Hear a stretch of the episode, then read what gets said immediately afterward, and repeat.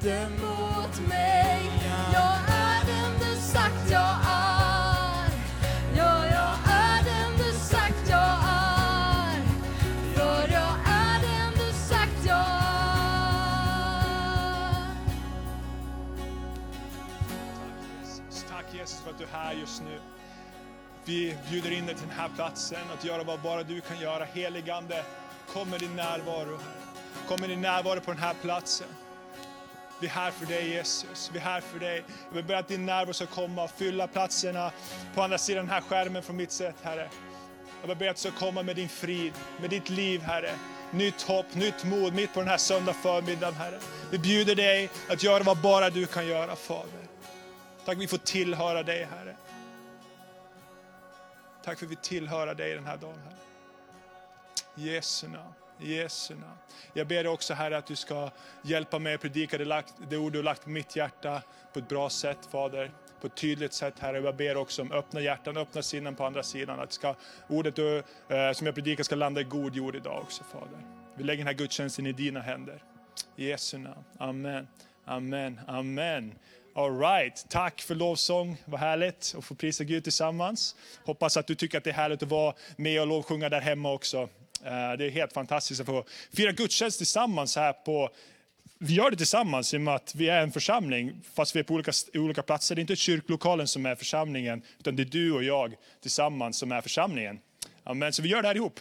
Yes. Om inte annat så var med i chatten, skriv. Eh, skriv lite bönämnen om du har det, tankar om du har det.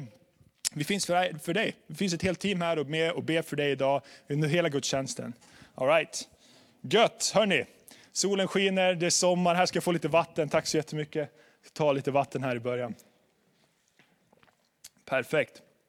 Solen skiner. Hörrni, eh, ni som vet, eh, som känner mig på riktigt, ni vet att det finns två saker i mitt liv som jag verkligen gillar. Då ska man såklart säga att Jesus är ett, två, tre först. Nu har vi det ut ur, ut ur bilden. Men ni som känner mig, ni vet att jag gillar, jag älskar ishockey och segling. Det är mina två favoritsaker i livet. Och nu är hockeysäsongen eh, snart slut för mig. Jag är slutspelat för mig sedan länge i och med, i, och med covid. Men segelsäsongen närmar sig med storm. Johannes Sundin uppskattar sådana skämt. Men ähm, var helt dödtyst här inne. Men det är bra. Det är bra. Hörrni, seglingssäsongen närmar sig och jag är så tacksam. Det är så, så kul att få vara ute på havet igen och jag kan inte vänta att få, att få vara där ute igen. Och det fick mig att tänka på eh, vår första sommar med segelbåt som familj. Det är nämligen så att vi, på min pappas sida, så han kommer från Åland, från skärgården, skärgården som man säger. Det är lite finare där ute. Nej, skojar.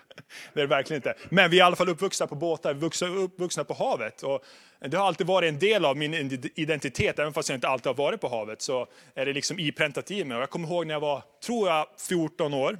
När vår familj, inte jag, vår familj, mamma och pappa köpte första segelbåten. Och fick lära oss segla. Den där första sommaren, den glömmer jag aldrig. Det var så kul. Och vi fick lära oss hur vi hissar segel. Vi fick lära oss hur vi eh, fick använda naturens krafter för att eh, få segelbåten att gå framåt. Och hur båten lutar och vi känner att vi kan lita på det här. Det kommer inte tippa, det kommer att gå bra det här. Vi fick lära oss så mycket och vi, eh, vår erfarenhet växte eh, mer och mer och mer. Och eh, det kändes som att vi kunde det här nu. Vi kan det här. Vi var ute hela familjen och sa, ja, men vi har våra uppgifter, vi kan det här, vi vet hur det funkar. Och eh, av någon anledning så blev vi så självsäkra så vi tänkte, eh, vi säger jag, Thomas tänkte att vi skulle kunna segla ner till eh, Åland den första sommaren. Och eh, han sålde idén till oss och vi tyckte att det här är kanon. Det här kommer bli ett riktigt äventyr. Vilken utmaning. Det kommer bli så kul. Så sagt och gjort, vi lastar på fem barn, en, en hund och två föräldrar som försöker hålla ihop det här skeppet. Eh, och vi beger oss eh, söderut, ut på havet. Vi far ut här, vi lämnar Ulvön och sakta men säkert så, så försvinner Ulvön ur sikte. Och det är det sista land vi kommer att se på över två dygn.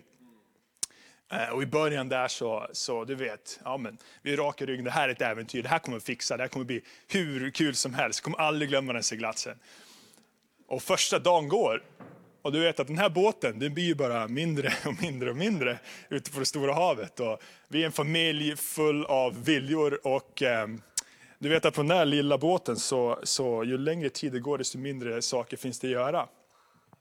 Och eh, det börjar bli lite bråkigt, det börjar bli lite tjafsigt som det blir. Och helt plötsligt så börjar de första vågorna gunga in. De stora vågorna, vi kommer längre söderut, vi kommer ner mot Gävlebukten snart. Och De vågorna börjar gunga in och storm, eller blåsten börjar tillta. Vi ser långt borta i horisonten så ser vi ett mörkt moln som kommer in. Och vi vet att det kommer komma en storm. Men där i början av stormen, jag vet inte hur du är, men för mig och för, för vår familj, så då, man är rak i ryggen. Man tänker, hej, vi har erfarenhet, vi vet att det här kommer gå bra. Vi vet att Gud har varit med förut, han kommer att göra det igen. Vi har en, en, en tro som är byggd på erfarenhet. Det är där vi är i början. Det är där man är precis innan man kliver in i stormen. Det är då man kommer ihåg alla de här grejerna. Gud har varit med förut, det kommer att gå bra. Man har sin blick fäst på Jesus. Uh, och där var vi. Kom igen, det här fixar vi. Klipp till typ två timmar senare. Hela familjen ligger uh, böjda över relingen och uh, Eh, ja, ni vet som man gör när man inte är så van på sjön. Eh, alla förutom Thomas då. Och han, är, han, är våra, han är våra hjälte, han står där och vid rodret och kom igen vi ska framåt. Och alla bara eh, ja, spyr liksom. Och det är kaos, hunden skakar, det regnar, det blåser. Vi vet inte vad vi ska göra, vi är desperat behov av hjälp. Vi, alltså, vi, vet in, alltså vi, vi kommer inte ihåg vad som vi just tänkte, att det här fixar vi. Vi kommer inte ihåg vår erfarenhet, vi kommer inte ihåg att Gud är god, han är trofast. Ingenting av det här. Vi är bara desperat behov av hjälp. Och vi skriker Gud, var är du någonstans? Var är du någonstans? Vi behöver någonting nytt. Vi behöver ett mirakel Fader. Jag vet att du har stirrat stormar förut, men det räcker inte. Det räcker inte. Du måste lyfta oss i hamn. Du måste göra någonting. Vattnet måste försvinna. Det här går inte. Och mitt i det här så, så måste pappa springa ner. Och jag kommer inte ihåg vad han skulle göra, men han behövde gå ner in i hytten, i kabyssen. Och han gav rodret till mamma och till Josef. Och så, kan ni bara hålla i den här, i bara, bara en minut eller två. Jag måste springa ner lite snabbt. Och han springer ner och helt plötsligt så känner han hur, hur båten bara snurrar runt och runt och runt. Och han kollar tillbaka och han ser liksom genom luckan så ser han att rodret är ju tomt. Det är ingen som håller i rodret. Så han får panik, han springer upp och han hittar alltså hela familjen bara hänger över bord och bara spyr och kräks och vi gråter. Och det, alltså, jag önskar inte det på någon. Alltså, den där situationen var hemsk. Alltså, det var kaos. Vi var i desperat behov av ett mirakel. Och där och då så gör pappa någonting som, eh, som han har lärt sig av sin pappa, kanske eh, förfäder innan som har varit och vuxit upp på havet. Han gör någonting som, som jag har lärt mig, som jag tycker är så viktigt. Eh, mitt i stormen, mitt i kaoset, mitt i desperationen, vi vet inte vad vi ska göra. Så börjar han nynna, och lite tyst först, och sen så kommer sången igång. Det, det är de här gamla hymnerna, det är de här gamla salmerna, de här gamla sanningarna som han sjunger. Han sjunger, han sjunger, eh, han sjunger att Jesus älskar mig, jag vet. Jesus älskar mig, jag vet. Jag glömmer ej att Bibeln säger att han älskar mig. Han sjunger på där. Och mitt i stormen, mitt i kaoset, mitt i den här situationen, så kommer Guds närvaro. Mitt i den här situationen så finner vi trygghet. Mitt i den här situationen så vet du att det här kommer att gå bra.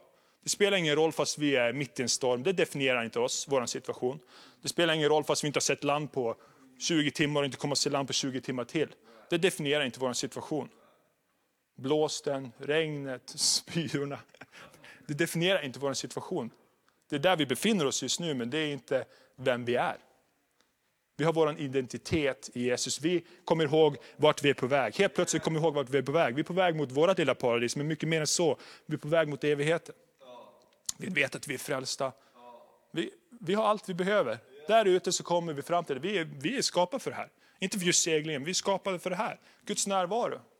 Så mitt i det där så, så finner vi ett lugn. Och det jag tänker eh, som en tanke för den här gudstjänsten är att, att vår identitet, vem du och jag är, det är det som är vår trygghet.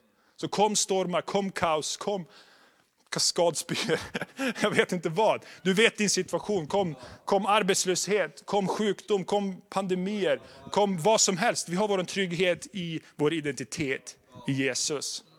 Amen. Amen. All right, så. Jag tänker också att det är en ganska bra situation på hur pandemin ser ut idag. Alltså covid-19 börjar, nu är det covid-21 som Tyler sa så bra här. Eh, alltså det är ju du vet, vi har planer. Vi håller på med kyrka, vi håller på att bygga Guds rike. Men 2020, vi, vi hade bokat påsken, vi hade bokat arenan. Eh, för att lyfta upp Jesus, för att proklamera Jesus över den här staden. Och, och vi var tillsammans, alla kyrkor, och vi kände att hey, det här ska vi göra. Helt plötsligt kommer pandemin. Gud, var är du? Var är du någonstans? Vi gjorde ju det här för dig, det är inte för vår skull. Hej, vi kör nästa år, 2021, påsken, nu kör vi. Ingenting. Gud, var är du? Hallå? Vad händer? Vad händer? Och, och jag menar, det är, folk blir sjuka runt omkring oss och vi är mitt i vi är i desperat, desperat behov av hjälp just nu. Det är, våra, det är där vi är just nu. Men det är inte det som definierar dig och mig. Det är inte det som definierar dig och mig.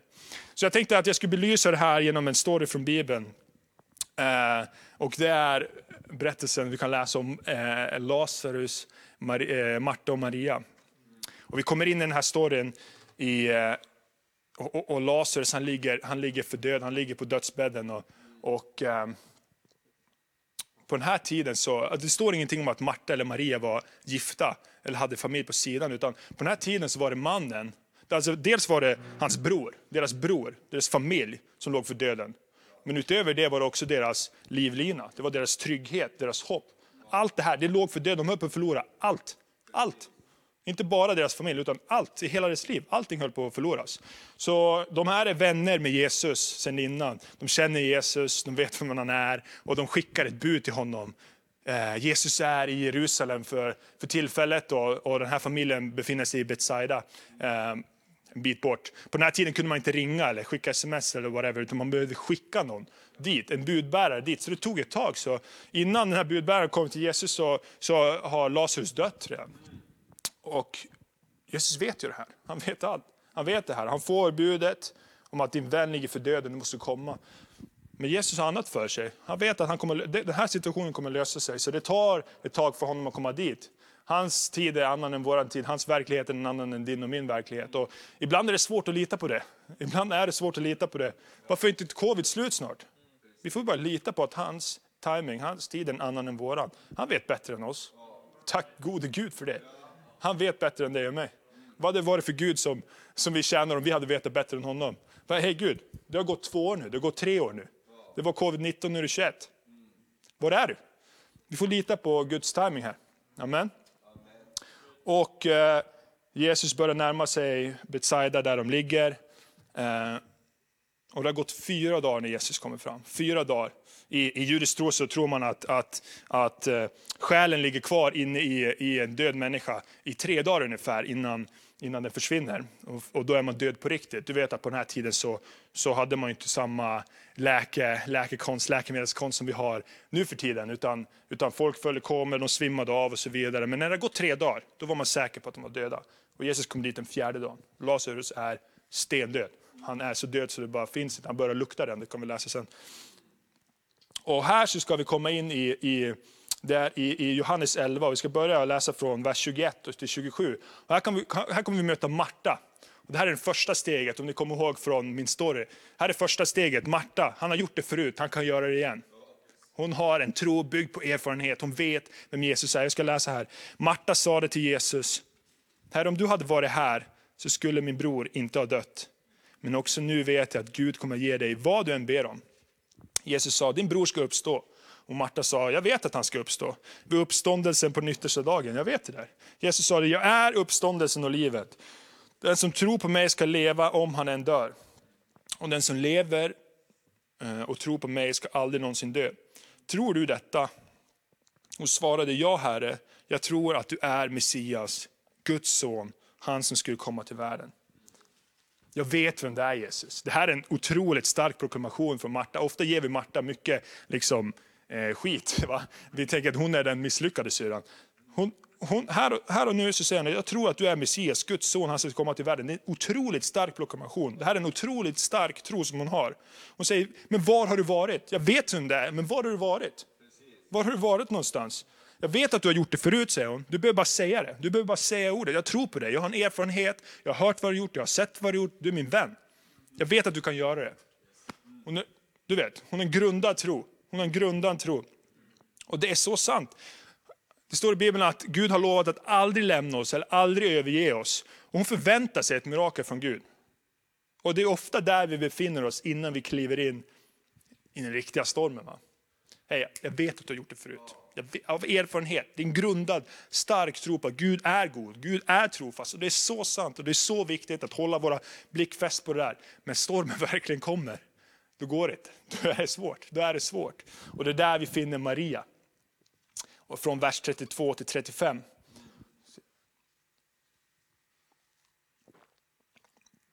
Eh, ska vi läsa tillsammans då. Och Maria hon är desperat behov av någonting nytt. Hon är desperat behov av ett mirakel.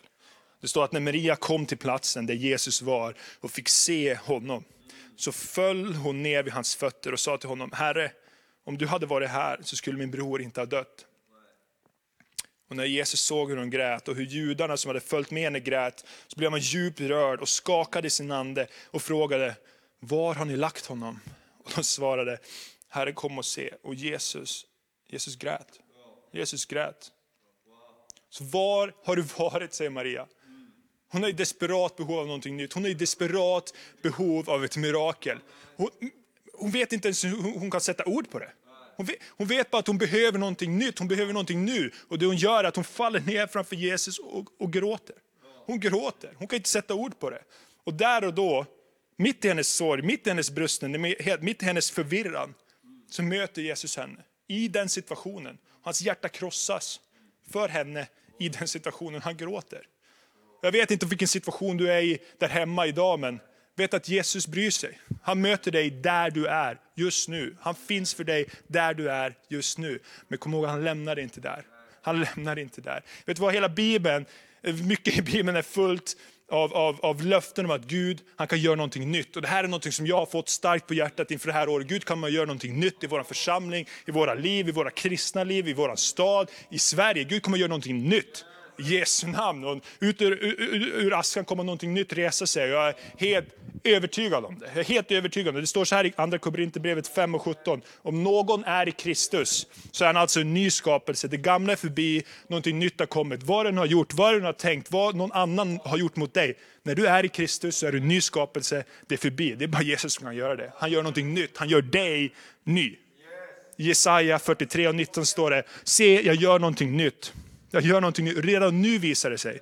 Märker ni det inte? Märker ni inte? Jag ska göra en väg i vildmarken och strömmar i öknen.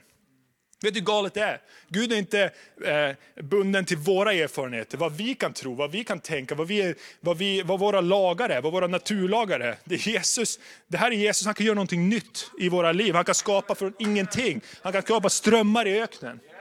Amen. Ett nytt liv. Och det står så här i Efesierbrevet 3 och 20. Han som kan göra långt mycket mer än vad vi ber om eller tänker genom den kraft som verkar i oss. Det är den Gud du och jag tjänar.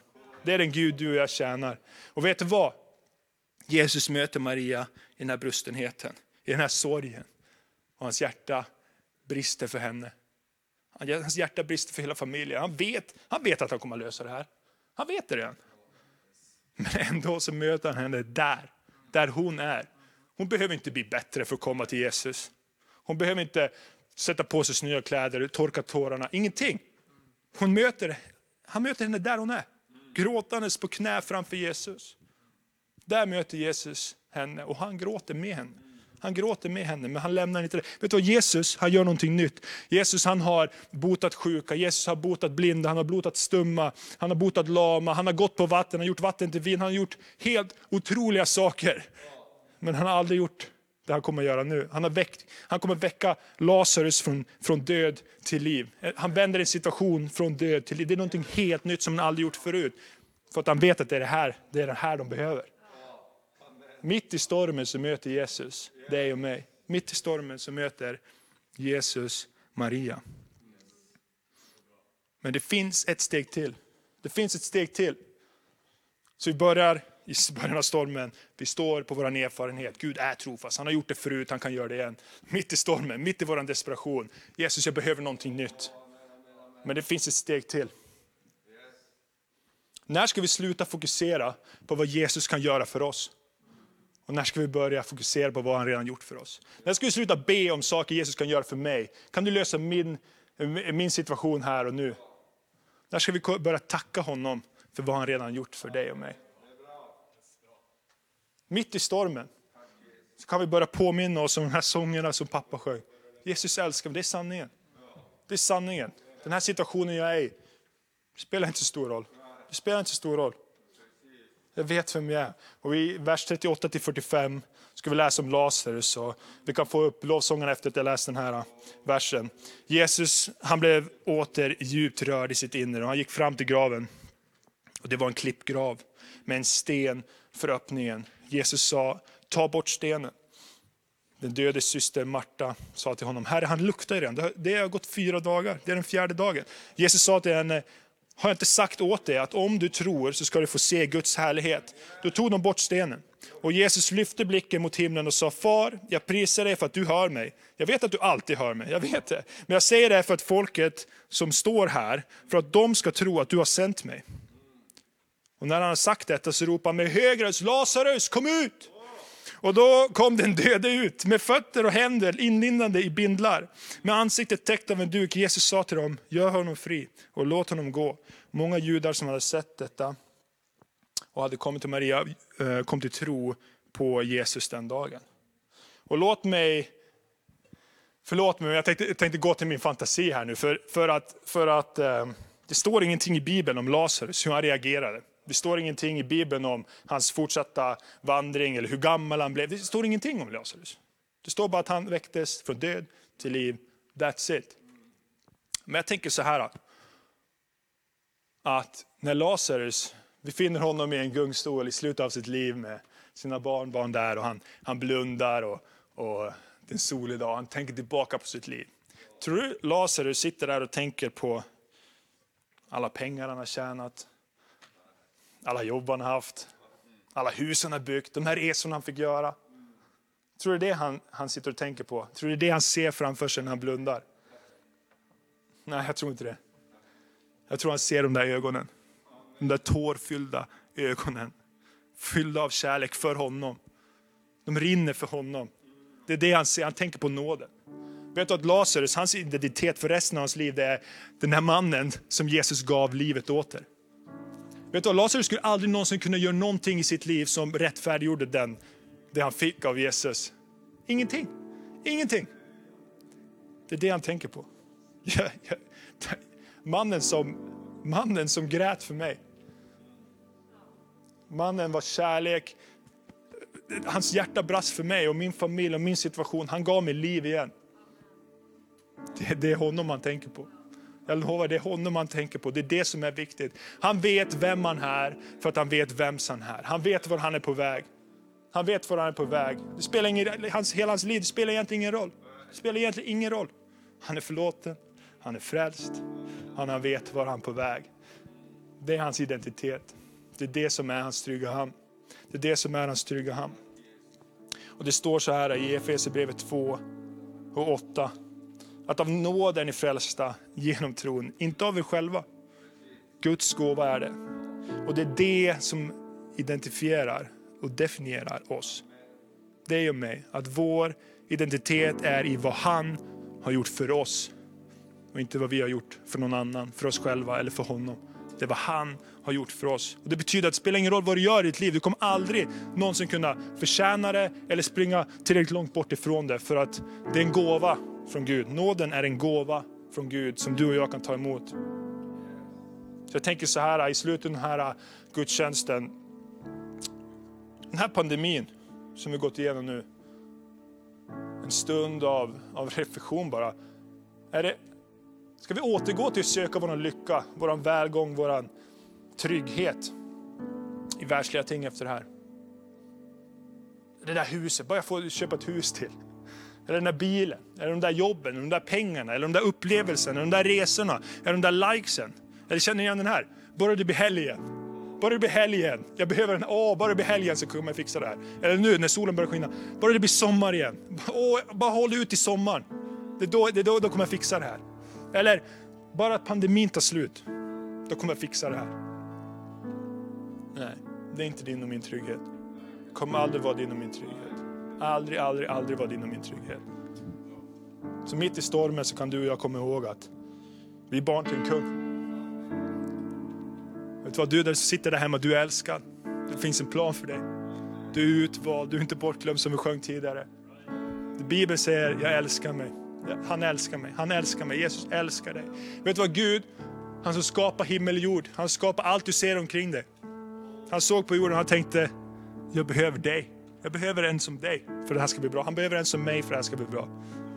Vet du vad, det finns en plan för dig. Gud känner dig utan och innan. Han vet vad som har hänt.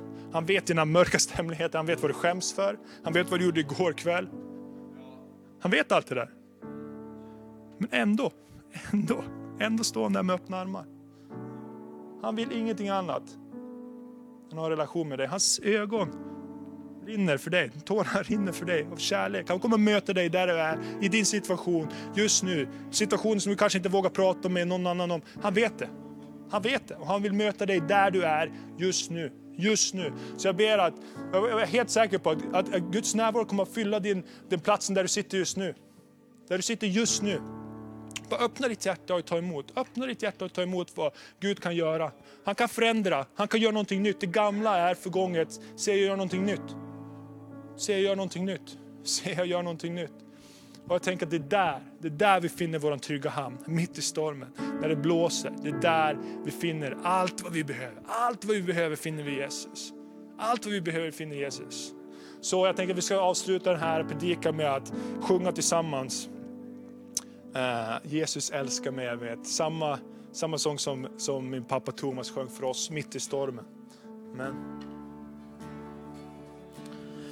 Jesus älskar mig, jag vet. Jesus älskar mig, jag vet. Jag glömmer ej att Bibeln säger han älskar mig. Jesus älskar mig, jag vet. Jesus älskar mig, jag vet. Jag glömmer ej att Bibeln säger